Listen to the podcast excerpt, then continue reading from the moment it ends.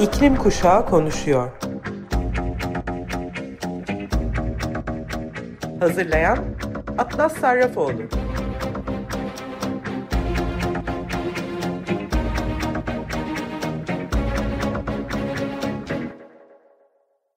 Hepinize merhaba sayın Açık Radyo dinleyicileri. İklim Kuşağı Konuşuyor programına hepiniz hoş geldiniz. Ben Atlas Sarrafoğlu, 15 yaşındayım ve iklim aktivistiyim. Ee, bugün konuğum Mustafa Özer, İMEC'in eski direktörü, şimdi ise Build for Battle iklim gönüllüsü, aynı zamanda Climate Reality temsilcilerinden. Ama benim yerime kendisinden öncelikle dinleyelim neler yaptığını. Hoş geldiniz Mustafa Bey. Öncelikle dinleyicilerimize kim olduğunuzu ve neler yaptığınızı anlatabilir misiniz lütfen? Tabii ki Atlas. Selamlar herkese. Ben Mustafa. Yaklaşık 2010 yılından bu yana e, sürdürülebilir kalkınma üzerinde çeşitli çalışmalar, çeşitli kurumlarda çalışıyorum ama şu anda en e, güncel olarak e, etki odaklı işleri görünür kılmayı amaçlayan bir e, platformda e, bu işleri genç yeteneklerle ya da yeteneklerle buluşan bir platformun kurucusuyum. E, ayrıca bu yıl bir ufak bir deney de yapmaya başladım iklim üzerine ama iklim deneyi değil. E, sosyal medyada sürekli iklim ve iklim krizi üzerine çeşitli içerikler yayınlayarak e, çeşitli e, farkındalık ama farkındalıktan da öte e, çeşitli öğrenimler edindiğim bir e, mikro makale dönemindeyim şu anda. E, kısaca böyle. Süper. Aslında iklim krizi konusunda e, konusuna bakınca e, çok geniş, çok kapsamlı bir konu oluyor. E, tabii ben malum iklim aktivistiyim ve son yaklaşık 3-4 senedir de iklim krizi anlatıyorum ama benim yaşadığım en büyük problem insanlara bu problemi anlatabilmekte aslında. Hatta iklim iletişimi konusunda e, eğitime devam etmeyi düşünüyorum ben. E, size öncelikle şunu sormak istiyorum. Sizin de deneyimlerinizden yola çıkarak iklim krizi konusunda nasıl e, konusunu nasıl ele almalıyız, nasıl anlatmalıyız bu krizi insanlara? Düşüncelerinizi merak ediyorum. Tabii Atlas gerçekten zor olduğunu sen çok iyi biliyorsun. Ee, ya özellikle bu mikro makale deneyinden özellikle bahsettim. Çünkü ufak bir deney olarak başlamıştı. Ee, Ocak ayında e, kendime şey demiştim yani e, ufak bir online ders vardı. O da, derse kaydoldum ve derste aslında 30 gün boyunca her gün e, ufak makaleler yazma. Hani bekleniyor da değil. kursun çıktısı bu. Benim de en iyi bildiğim şeylerden bir tanesi hem girişimcilik hem de e, iklim krizi olduğu için iklim kriziyle girişimciliği bağlayan dediğim gibi çeşitli makaleleri her gün yayınladım. E, yayınlamaya çalıştım daha doğrusu. Bunu yaparken de tabii ki e, bir toplulukla birlikte yapıyorsun. Toplulukta yaklaşık 400 kişi yani 400 kişinin her gün e, 250 kelimelik makaleleri internette yaydığını düşün. Ve de e, diğer insanların yazdığı konular daha çok sosyal medya, Twitter, topluluk kurma, e, girişimcilik. E, daha e, hani popüler demek istemiyorum çünkü iklim krizi pandemiyle birlikte çok popüler oldu ama insanların yaptığı eylemlerin çıktısını anında görebileceği kavramlardı. İşte şunu yaparsanız Twitter'da takipçi sayınız artar, bunu yaparsanız e, girişiminizde kültürünüz artar. İklim konusuna gelince maalesef e, aslında insanın yani türümüzün e, temelinde olan şeylerden bir tanesi krizlere karşı çözüm geliştirmek değil mi? Yani hani e, bir kriz var hadi o krizi çözelim. Tabii ki. Maalesef iklim krizi e, uzakta bir kriz olduğu için anlık krizlere odaklanan bir tür olduğumuz için kolektif bir şekilde e, bakış açımızı geliştiremiyoruz ya da hani olmuyor. Ya da e, ilk, hani bu mikro deneylere geldiğimizde pazarlamanın çok temel bir sorusu vardır. Hani benim için bunun anlamı ne? What's in it for me? Yani bunun bana katkısı ne? Aslında iklim anlatısında ya da iklim hikayesinde bu maalesef e, çok net bir şekilde dillendirilemiyor. Demek ki bunun değişmesi gerekiyor. Yani what's the need for me sorusunun, benim için bunun anlamı ne sorusunu yanıtını vermek gerekiyor olduğunu gördüm ki e, işte bu 30 tane makale içerisinde en fazla etkileşimi alan e, anlatılarda e, insanların hani bireysel olarak ne yapabileceğine dair şeylerdi. Bu da ayrı bir konu. Bunu birazdan e, konuşuruz belki. Bireysel eylem ne kadar etkili? Tabii o da tartışma konusu. Ama insanlar hani daha çok neyi görüyorlar? Ben ne yapabilirim? Ben e, bu denklemde nasıl bir parçası olabilir? Bu hikayenin nasıl bir e, bana katkısı ne olabilir diye. Şimdi bir yandan da hani diğer metinlere baktığımızda da aslında iklim tabii ki çok teknik bir konu kalabiliyor. Ve etkileşim az oluyor dediğim gibi diğer konulara kıyasla. Bunun da aslında üç temel nedeni var. Çünkü anlatı daha çok korku üzerine, felaket gibi noktalara e, odaklanıyor ve insanlar kaçıyorlar, dinlemiyorlar. Diğeri dediğim gibi yakın tehditlerle programlanmış bir beyne sahibiz ve iklim çok uzakta, hala çok uzakta bir kriz olarak algılanıyor. Üçüncüsü de dediğim gibi hani insanların en çok ilgisini çeken nokta ben ne yapabilirim? Ama insanları kovan ya da uzaklaştıran konuda ben aslında etkisiz miyim sorusu. Bunlar olunca da çok da fazla etkileşim almıyor. Bunları e, hepsi bence haklı bir endişe. Fakat Harari'nin çok güzel bir anlatısı vardı işte. Yani kolektif hikayelere inanan bir türüz ve bizim türümüzün en büyük avantajı da bu kolektif hikayelere inanmak. İşte para gibi, şirket gibi bunlar aslında olmayan şeyler ama inanıyoruz değil mi?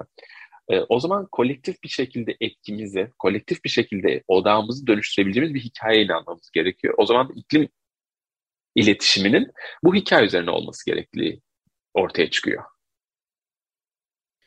Evet aslında yani iklim krizini anlatma konusunda benim e, bir tecrübem var. E, ben bunu konuşmalarında genellikle anlatıyorum çünkü iklim krizini herkese aynı anlatmamamız gerektiği konusu benim dikkatimi çekiyor. Yani mesela daha küçük çocuklara çikolatadan bahsetmek, çikolatanın tükeneceğinden bahsetmek, su probleminden bahsetmek, gıda probleminden bahsetmek onları daha fazla vuruyor ama mesela daha yetişkin insanlara e, ekonomi konusundan ve savaşlar konusundan bahsetmek onların daha da ilgisini çekebiliyor. Yani iklim krizini farklı nesillere, farklı insanlara farklı şekilde anlattığımız zaman e, daha vurucu olarak anlatmış olabiliyoruz. E, şimdi sizlere e, iklim için e, bir şeyler yapabilmek için hani son 8 senenin içindeyiz. IPCC raporları peş peşe geldi geçtiğimiz aylarda ama şunu söylemeliyim benim hala umudum var bir iklim aktivisti olarak. E, yine de liderlerin bu konuda yeterince harekete geçmediklerini görüyoruz hem yani kendi ülkemizde hem başka ülkelerde ve karar vericileri e, ve büyük şirketleri nasıl harekete geçirebiliriz? Yani hı hı. E, bir de e, sorumu e, aslında iki ayaklı yapalım isterseniz çünkü bunun da önemli olduğunu düşünüyorum. Kişisel olarak iklim krizi için neler yapabiliriz? E, biraz hı hı. geniş oldu sorum ama çözüm nedir diye de genelleyebiliriz bunu. Belki sizin fikirlerinizi merak ediyorum bu konudaki. Hiç problem değil. E, zaten konu bence dönemimizin zamanın ruhunu tanımlayan bir konu olduğu için zaten geniş e, bence bakmak gerekiyor. Ya burada da ben şuna inanıyorum. Ben hani Guardian gazetesi başlatmıştı 2018 ya da 2017 yılında. İklim değişikliği değil, e, iklim krizi diye öncelikle bunu bir tanımlayalım demişti hatırlarsın. E, çok da beni de çok etkilemişti. Çünkü hani adını koymak gerekiyor bir yandan. Ama bir yandan da şöyle bir e, problemle karşı karşıyayız Atlas. İklim krizi dediğimizde sadece krize odaklanıyoruz. Yani soruna odaklanıyoruz. Ama ben şuna çok inanıyorum. Nasıl ki sanayi devrimi bir dönemdi ve dönemde her şey değişti. İklim krizinde de sadece iklimin değişmesi söz konusu değil. Her şeyin değişmesi söz konusu. Bu da zamanın ruhu, hani zeitgeist dersin, zamanın ruhu dersin. Aslında yaptığımız her şeyin değişmesiyle alakalı. Sadece bireysel eylem değil aslında. Dediğim gibi kolektif bir hikayeye inandığımız ve yaptığımız her şeyin değiştiği bir döneme girmek gerekiyor. Bu da işte e, hani evet e, birey temelli, talep temelli değişikliklerin tabii ki çok büyük rolü var. İşte hani daha az tüketme, daha e, çevreci olma. E, ama bütüne baktığında bunun etkisini pandemide çok net bir şekilde gördük. Bireysel davranışlar, işte karbon emisyonlarının azalması, uçaklara binmeme, dışarıya çıkmama, işte tüketimi azaltmaya çalıştığımız döneme baktığımızda karbon emisyonlarındaki azalma ki eğer hani gerçekten bu sorunun en temel noktası e, fosil yakıtları yerin altında durması gereken karbonu inanılmaz bir miktarda atmosfere salmaksa e, salmayı kestiğimizde çok da büyük bir değişikliğin olduğunu görmedik değil mi? %8 azalmadan bahsediyoruz ve bunun sürülebilir bir şekilde olması gerekiyor. Pandemiden ne öğrendik? Biz bu seviyeleri çok da kolay tutamıyoruz. Ee, demek ki bireysel davranış değil aslında üretimin kendisinde bir değişikliğe ihtiyacımız var. O zaman liderlik yapacak kişiler tabii ki bireysel liderlik, bireysel eylem çok önemli. Çünkü o tipping point dediğimiz kritik eşiğe ulaşmayı sağlıyor ve arzın değişmesini sağlıyor. Yani talep arzı tetikliyor. Ama önce arzın değişmesi gerekiyor. Yani burada e, yeni işletmelere, yeni girişimlere, e, inovasyona ya da halihazırda iş e, iş yapan kurumların aslında kendi iş yapış şekillerini değiştirmesi gerekliliği gerekiyor. Çünkü yani iklim aktivistleri olarak da şöyle bir şeyle karşı karşıyayız Atlas. Ee, yaklaşık 1970 yılından 60 yılından bu yana bir e, söylem söz konusu. Tabii ki çok büyük etkileri oldu. E, ama içinde bulunduğumuz o gerilla taktiği şu anda konunun hani spot ışığının iklim krizine, iklim meselesine geldiği dönemde aslında biz de o taktiklerin ne kadar işe yaradığını sorgulamamız gerekiyor. Çünkü bir anda kendimizi tam merkezinde bulduk konuşmanın.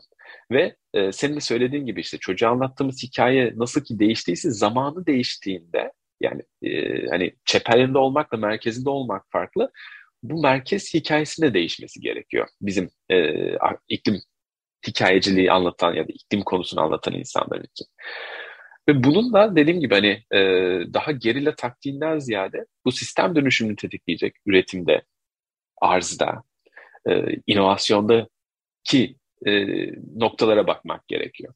Bunu da hani somut bir örnek vermek gerekirse işte e, hani karbon çok tabii ki e, işin en temel meselelerinden bir tanesi ama işte karbon emisyonlarını düşürelim, işte karbonu havadan alıp hapsetmeye çalışalım gibi çeşitli e, alanlarda e, iklim yatırımı inanılmaz derecede arttı. Özellikle 2021-2022 yılında ve iklim teknolojilerindeki yatırımın büyük bir kısmının bu alanlara gittiğini görüyoruz. Yani yatırımın %80'i e, gelir öncesi e, donanımlara gidiyor. Ama bir yandan da baktığımız o %20'lik kısım nereye gittiğini gidiyor diye baktığımızda biyoçeşitlilik, adaptasyon gibi e, konuların çok az fonlandığını görüyoruz. Ama sen de biliyorsun, ben de biliyorum, dinleyicilerimiz de biliyor.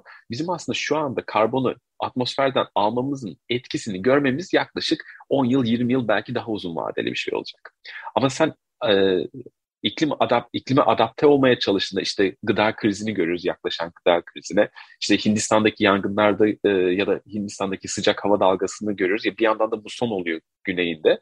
E, kaybolan hayatların daha dezavantajlı insanlar olduğunu görüyoruz ve iklim adaletini aslında tetikleyecek çözümlere e, ihtiyaç olduğunu görüyoruz. Çünkü onların etkisini hemen görebiliyoruz. O zaman liderlerin evet bu uzun vadeli zaten hani uzun vadede bir problem olduğunu söyledik. Çünkü uzun vadede tehdide uzun vadeli çözümlerle yaklaşamazsın. Kısa taktiklerle, acil müdahalelerle, metan gazı gibi daha e, güçlü noktalara nasıl kendimize kaldıraç etkisi yaratabiliriz. Bunların konuşmasının yapılması gerekiyor. Ve bunu yaparken de biz birey olarak çok etkili olmadığımızı kabul etmemiz gerekiyor. Birey olarak ben istediğim kadar sade yaşamaya ya da az tüketmeye çalışayım. Bunların etkisinin pandemide az olduğunu gördük. O zaman bizim e, yeşil yıkamaya, bizim e, bu politikaların söylenen politikalar yapıldı mı yapılmadı mı takip etmeye, şirketlerin havalı kelimelerle söylediği şeylerin gerçekten olup olmadığını görmeye ihtiyacımız var. Çünkü dediğim gibi iklim krizi bir sorun değil, bir dönem ve bu dönemin içinden geçerken yaptığımız her şeyin değişmesi gerekiyor. Hak savunuculuğundan tut da e, üretime, tüketme her şeyin değişmesi gerekiyor ve iklim lideri dediğimiz kişiler bu dönüşümün lideri aslında. Ee, aslında iklim e, aktivisti olarak benim söyleyeceğim şey de bu konuda e, evet iklim krizi bir dönem, iklim krizi bir e, doğa yıkımı, bir kriz. Yani biz de aslında bu yüzden iklim değişikliği değil iklim krizi diyoruz buna. E, çünkü hani değişiklik bazen yanlış an, anla, anlaşılabiliyor. Yani ben mesela iklim iklim aktivisti olmadan önce iklim krizini açıkçası bir doğa problemi zannediyordum. Çünkü herhangi bir araştırma yapmamıştım. Sadece o gün e, iklim aktivisti olmadan önce yani e, dinlediğim açık radyodan dinlediğim kadarıyla e, iklim krizini biliyordum. Yani bu konuda araştırma yapmamız gerekiyor. Hepimizin ayrı bir sorumluluğu var. E, bir, şey, yani hepimiz iklim aktivisti olmalıyız diye bir öneri sunacağım. E, ve soracağım başka bir soruda 2030 ve 2050'de dünyanın nasıl bir yer olacağını düşünüyorsunuz? Ee, şimdi şöyle, e, önümüzdeki krizler, önümüzdeki gelişmelere bakmak gerekiyor. Ee, örneğin bir derecelik bir artış şimdi 1.2'lik bir e, sanayi devrimine kıyasla 1.1 derecelik 1.2 derecelik bir artıştayız. E, yıl son e, 100 yılın sonuna doğru 2021. yüzyılın sonuna doğru bunun daha e, vahim seviyelere geleceğini ve bu gidişle e, gidersek işte 2 derecenin üzerinde bir değişiklik olacağını görüyoruz. 1 derecelik bir artışın e, havayı kuruttuğunu, e, iklim olaylarını değiştirdiğini, su akıntılarını değiştirdiğini, işte Arctic Vortex, e, Polar Vortex'i e, ortaya koyarak e, soğuk olması gereken yerlerin, kutupların sıcak, e, sıcak olması gereken yerlerin soğuk olduğunu gördüğümüz, bunun işte e, ürün rekoltesinin e, işte mısır, e, buğday rekoltesinde çeşitli yüzde altıya varan e, azalmaların olduğunu görüyoruz ki bunlar aslında yüzde kalorilik ihtiyacımızın e, yüzde 66'sını oluşturan e, değerler. E, önümüzdeki sene zor bir sene olacak. Ondan sonraki sene daha zor bir sene olacak. Yani bunu 2030'a 2040'a götürdüğümüzde eğer bu ataletle devam edersek çok daha zor dönemlerin bizi bekleyeceğini görebiliriz. E burada neyin değişmesi gerekiyor? Dediğim gibi yani gıda sisteminin, eğitim sistemi yani sistem dediğimiz her şeyin değişmesi gerekiyor. Çünkü iklim krizi sadece iklim krizi değil senin dediğin gibi. İklim krizi bir dönem. Yani bizim eğitim sistemimizde bunu adapte etmemiz gerekiyor. Nasıl ki sanayi devriminde eğitim sistemi diye bir şey yoktu ama sanayi, e, sanayinin ihtiyaçlarına yönelik bir eğitim sistemi ortaya çıktı. O zaman iklim krizi, yani bu döneme yönelik eğitim modüllerinin geliştirilmesi gerekiyor. Sistem eğitimlerinden tut da hani ilkokulda, lisede, üniversitede e, bu yetenekleri e, ihtiyacı olan e, bu yetenekleri nelerdir? Bu yeteneklere odaklanalım. Bu yetenekler nereye gidiyor? Ne hangi işlere gidiyor? İşte benim kurmaya çalıştığım e, bu platform aslında tam da buna odaklanıyor. Yetenek dönüşümünü tetiklemeliyiz. Çünkü inanılmaz her şey dönüşüyor.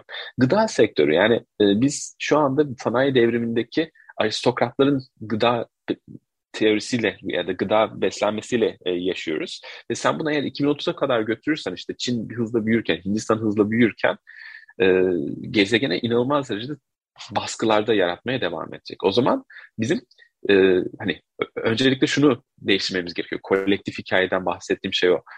E, sağlıklı bir diyet nedir? Gelişmekte gelişmiş olan ülkelerin aslında yani iyi diyet nedir? Yani yememiz gereken şey nedir? O zaman gezegen diyetine dönmemiz gerekiyor. Yani et yemek değil, havalı olan şey aslında kırmızı et, her gün kırmızı et yemeyen değil. Aslında havalı olan şey çünkü bunu havalı bir şekilde yapman gerekiyor. insanların e, kabul etmesi için. Hani et yemek havalı değil de hayır e, bezelye, hayır işte bezelye proteini alıyorum. Bunlara bakmak gerekiyor. Öte yandan mücadele etmemiz gereken şey işte e, bence çok güzel gelişmeler oluyor. Ama bu gelişmeler işte e, eti taklit eden laboratuvarda geliştirilmiş et ya da e, işte hani çevresel olarak etkisinin daha az olduğunu söyleyen vegan etler çıkıyor. Ama bunların sağlık üzerindeki etkisine de bakmak gerekiyor. Çünkü inanılmaz derecede işlenmiş, inanılmaz derecede sodyum olan şeyler var.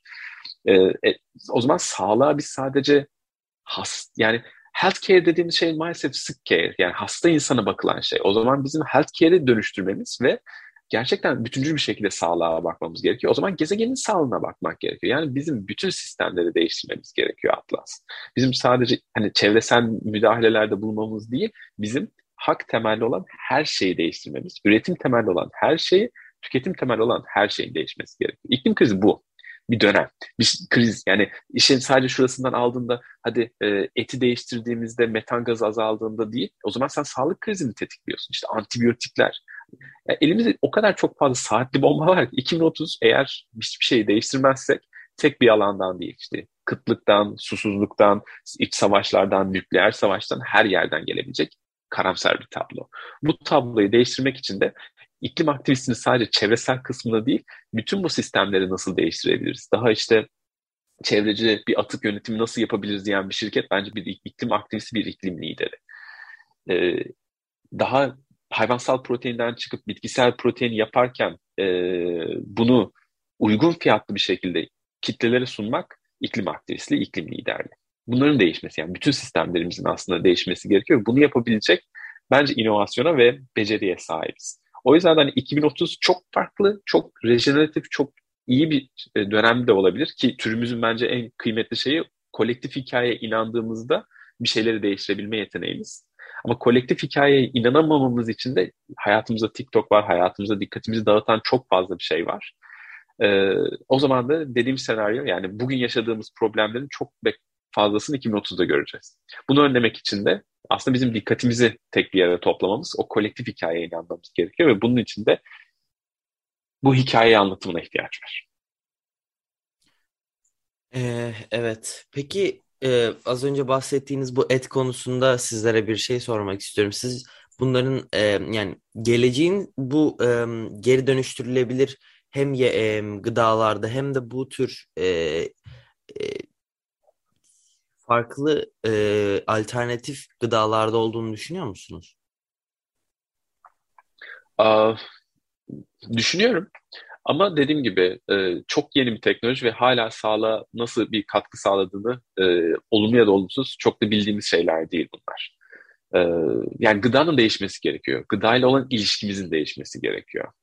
E, hani işte avokadosundan tut da ne bileyim e, tropik meyveleri tüketimimizin azaltmaktan tut da e, hayvansal protein, yani kim söyledi ki hayvansal protein ihtiyacımız olduğunu? E, hani neden biz e, bezelyenin tadını ya da görüntüsünü ete benzetmeye çalışıyoruz ki? E, bırak bezelyeyi bezelye olarak yiyelim ya da bezelyeyi hani öyle bir tarifle gel ki bana ben kendi evimde bezelyeyi hamburger etine dönüştürmeye çalışayım. E, o yüzden bence şu anda görmüş olduğumuz yenilikler evet bir şey tetiklemeye çalışıyor. E, ama olumlu mu olumsuz mu? Çevreye ne kadar katkısı var? Çevreye ne kadar zarar var? İnsan sağlığına ne kadar katkısı var? Ne kadar zarar var? Hala çok net olmayan şeyler. O yüzden evet bunların çok büyük bir potansiyeli var. Her iklim teknolojisinde olduğu gibi işte karbon tutmak gibi. Bunların geleceğin teknolojileri, işte mikromobilite bunlar geleceğin teknolojileri.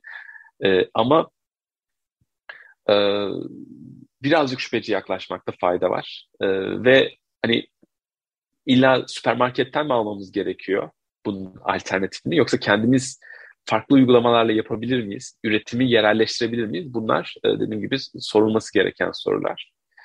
E, bu teknolojilerin dediğim gibi inovasyona ihtiyacımız var. Çünkü öbür türlü e, yolumuz yol değil. 2030'dan bahsediyorsak, 2040'dan bahsediyorsak. Ama her yeniliğe de hızla koşmamak gerekiyor. Çünkü dediğim gibi hala etkileri çok da net olmayan gelişmeler de oluyor. O yüzden yerel çözümlere bakmakta fayda var. Evet ya yaklaşık 3-4 dakikamız kaldı. Ben şeyi sormak istiyorum. Ee, gençlere veya işte benim yaşımdaki benden daha daha küçük olabilir. Gençlere em, var mı tavsiyeniz? Hem e, yani harekete geçme konusunda hem günlük hayat konusunda neler yapabilirler, neler yapmalılar? Hı hı. Ya, ya şey, uh, zor soru. Uh, çünkü inanılmaz derecede değişen bir dönemdeyiz. Uh, hani bugün verdiğimiz tavsiye yarın uh, olmuyor. Uh, yani zaten hep, hep çok bilinçli bir kitleyle konuştuğumu varsayıyorum.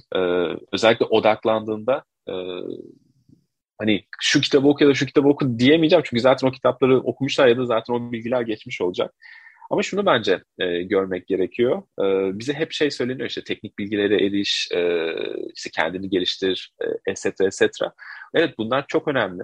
E, yani ne bileyim işte hani ilk hadi e, sistem dönüşümünü öğren, e, gezegensel sistemleri öğren. Bunlar çok teknik konular. E, ama bunlar dediğim gibi endüstri devriminin bize empoze ettiği, hadi bir konuda uzmanlaş diyen noktalar. 21. yüzyıldaki meseleler çok geniş, her şeyin birbirini tetiklediği e, ve de tek bir uzmanlık alanının çözemeyeceği sorunlar. Ve de bence sanayi devriminin bize empoze etmiş olduğu, hani dedi ki her şeyin değişmesi gerekiyor. O zaman eğitimin de değişmesi gerekiyor. E, ve iklim krizi döneminde ki farklı farklı katmansal problemlere tek bir uzmanlık alanına çözüm getiremeyeceğimize göre bir genç olarak bizim öğrenmemiz gereken yetkinlik, yetenek senin de parçası olduğu gibi hikaye anlatıcılığı. İşte hani e, sanayi devriminin bize empoze ettiği bunlar boş, beleş yetenekler denen, soft beceriler denen e, hayat becerilerinin aslında içinde bulunduğumuz dönemde çok kıymetli olduğuna inanıyorum. İşte empati yapmak, e, savunuculuk yapmak, yani o yüzden bence sanki o 21. E, 20. yüzyılın empoze ettiği soft skill'lere bir göz atmakta fayda var. Çünkü o e, soft skill'ler aslında ihtiyacımız olan gerçek beceriler. Ee, yoksa hani bir, bilim insanları zaten 1970'lerden beri bunları söylüyorlar. Bunları tetikleyecek, bunları eyleme dönüştürecek şey o kolektif hikayeye inandıracak empati yeteneği, hikaye anlatıcılığı yeteneği. Ee, o yüzden mesleklerin de dönüştüğü, yeteneğin de dönüştüğü, şirketlerin ihtiyacı olan yeteneklerin de dönüştüğü yerde sanki uzmanların sayısı genel bilgiye sahip olan insanların sayısından çok fazla ve bizim bu dönemde birazcık daha genel birleştirici analist değil de sentez, sentez yapabilen insanlara ihtiyacımız var. Bu kasları e, bakmakta fayda var. Çünkü bugün e, hadi karbon döngüsüne çalışalım desek yarın belki karbon sorunu ortaya çık e, ortadan kalkmış olacak nitrojen problemiyle karşı karşıya kalacağız. O yüzden bunun teknik meseleler çok hızlı değişiyor. Ama e, empati yeteneği, iletişim yeteneği, bunlar değişmeyen ve de insanı insan yapan türümüzün bence e, kaldıraçları bunlara bakmakta fayda var. Ve bunları yaparken de Atlas e, silolaşmak değil, hani e, tek başımıza değil ya da küçük bir kitleyle değil, bunu çığırtkanlığını yapmak gerekiyor. Özellikle bu benim Ocak ayından beri yaptığım mikro makalelerde hani neden kendi e, neden kendimize güvenmeyelim ki? Neden bunu bir şeyleri yaparken yanlış da yapıyor olsak bunu sadece kendimize yapalım ki? Çünkü yanlış da yapıyor olsak karşının e, dinleyicilerimizin bize vereceği tepkiyle biz daha iyisini yapacağız. O yüzden e, çekinmeden bunu bangır bangır ne yapıyorsak da e, duyurarak yapmalıyız. Bunların hepsi de dediğim gibi bize atfedilen e, soft, yumuşak beceriler ama aslında bunlar e, günümüzün e, gerçek beceriler. Evet, bence de katılıyorum kesinlikle. Yani e, insanlarla konuşmak, insanlara günümüzün bir e, günümüzün aslında en büyük krizini anlatmak kolay olmayabiliyor.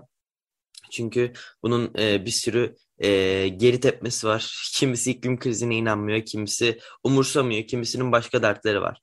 E, şimdi kaynakları sınırlı olan dünyada sınırsız tüketimin artık durması gerekiyor. Yapılması gerekenler çok da zor değil aslında. Alışkanlıklarımızın değişmesi gerekiyor. Çözüm hepimizde herkesin tek başına fark yaratabileceği gerçeğinde göz ardı edemeyiz. Bizimle fikirlerinizi ve deneyimlerinizi paylaştığınız için çok teşekkürler. Bugün konuğum Mustafa Özer'di ve kendisiyle iklim krizi iletişimi üzerine sohbet ettik. Çok sağ olun, çok teşekkür ederim konuk olduğunuz için. Ben teşekkür ederim. İyi bak kendine Atlas. Görüşmek üzere. Görüşmek üzere. Evet, bir iklim kuşağı konuşuyor programının da sonuna geldik. Umarım beğenmişsinizdir. Haftaya Cuma yine saat 2'de görüşünceye dek kendinize ve gezegenimize iyi bakalım. Görüşmek üzere.